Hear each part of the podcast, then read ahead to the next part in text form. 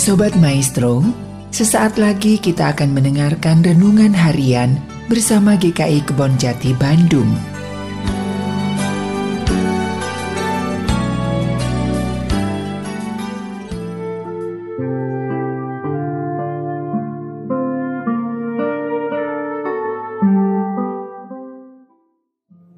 Halo, jumpa lagi dalam program Renungan Harian GKI Kebon Jati bersama saya Eliwati.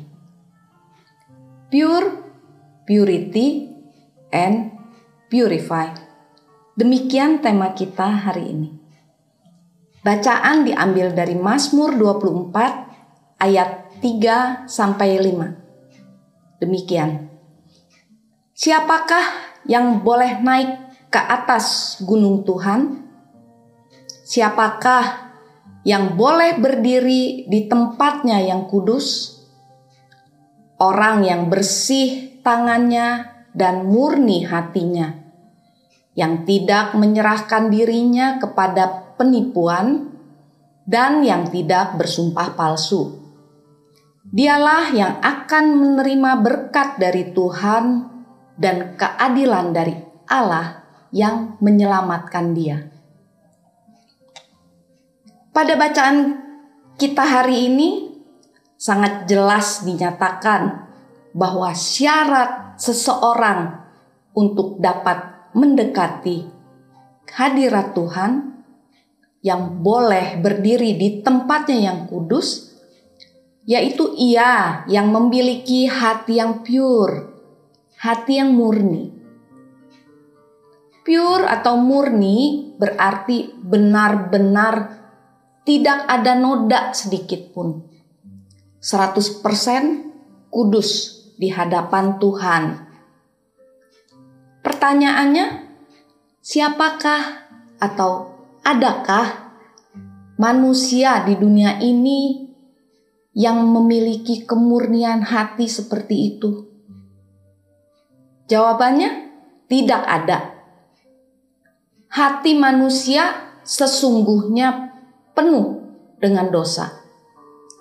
Dan sering kali dengan dalih untuk kebaikan, maka kita melakukan dosa kecil atau sering juga disebut dosa putih.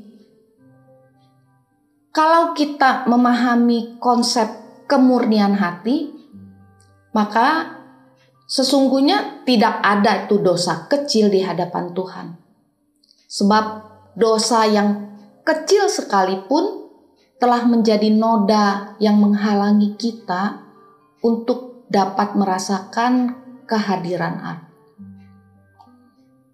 Jika demikian, apakah berarti tidak ada satupun manusia di bumi ini yang dapat menghadap Bapa bersyukur kita sebagai anaknya akhirnya has been purified.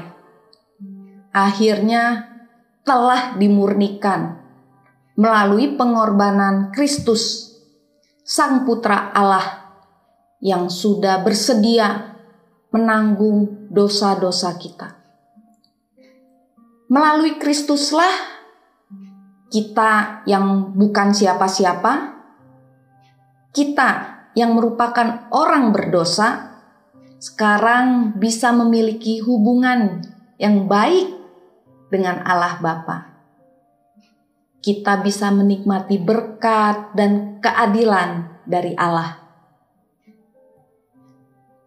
Nah, setelah Kristus berkorban bagi kita, tugas kita selanjutnya adalah menjaga kemurnian hati atau purity dan menjaga perbuatan kita dengan melakukan apa yang Allah perintahkan untuk kita lakukan serta menjauhi segala larangannya. Dan kita harus ingat baik-baik bahwa tidak ada dosa yang sepele bagi Tuhan. Semua dosa mendukakan Tuhan. Mari kita menjadi lebih baik dan lebih baik lagi. Amin.